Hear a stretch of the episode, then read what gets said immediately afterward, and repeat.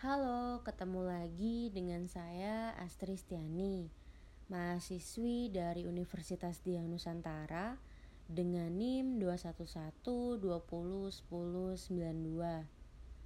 Pada kesempatan kali ini, saya akan menjelaskan mengenai komunikasi antar budaya sesuai dengan apa yang saya pahami. Pada dasarnya, Komunikasi antar budaya itu sama seperti komunikasi biasa yang kita lakukan sehari-hari. Yang menjadi bedanya adalah di komunikasi antar budaya, orang yang terlibat dalam komunikasi tersebut memiliki perbedaan latar belakang budaya. Lebih jelasnya lagi, komunikasi antar budaya adalah komunikasi yang terjadi di antara orang-orang yang memiliki kebudayaan yang berbeda Misalnya, bisa berbeda ras, berbeda etnik, berbeda sosial ekonomi, atau gabungan dari semua perbedaan-perbedaan tersebut. Dalam pembahasan komunikasi antar budaya, sering sekali disinggung tentang komunikasi lintas budaya, padahal terdapat sedikit perbedaan di antara komunikasi antar budaya dengan komunikasi lintas budaya.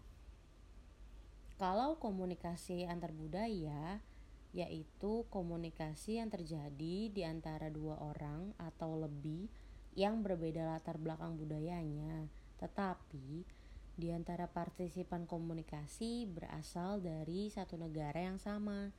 Sedangkan kalau di komunikasi lintas budaya adalah komunikasi antar bangsa yang dipengaruhi oleh latar belakang budayanya. Dari penjelasan di atas, tentunya nampak sekali bahwa komunikasi antar budaya lebih menekankan aspek utama yaitu komunikasi antar pribadi di antara komunikator dan komunikan yang kebudayaannya berbeda.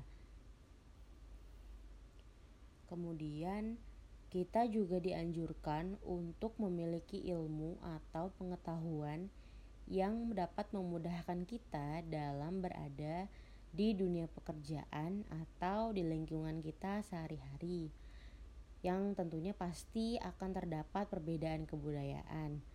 Caranya yaitu dengan memahami juga berbagai kebudayaan lain yang ada, bagaimana cara berkomunikasi dalam kebudayaan tersebut agar kita juga mendapatkan nilai plus tersendiri.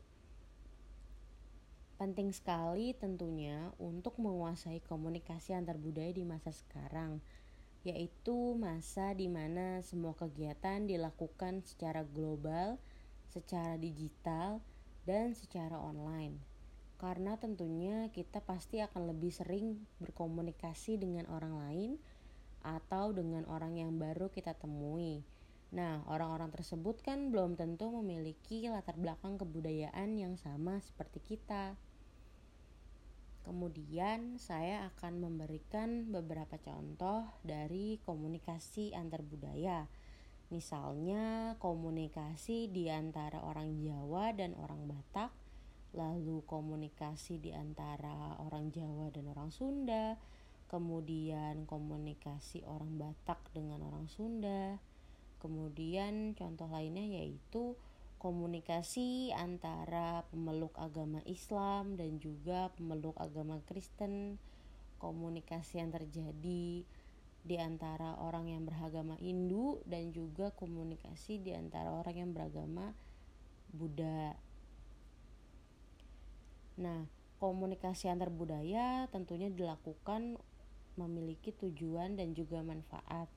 Misalnya, memperluas komunikasi antar pribadi, kemudian meningkatkan keterampilan verbal dan nonverbal dalam komunikasi, lalu menjadikan individu sanggup berbicara dengan efisien, lalu kemudian meningkatkan pengetahuan mengenai pribadi lain dan tentunya budaya lain, lalu meningkatkan pengetahuan mengenai perkembangan info dan teknologi.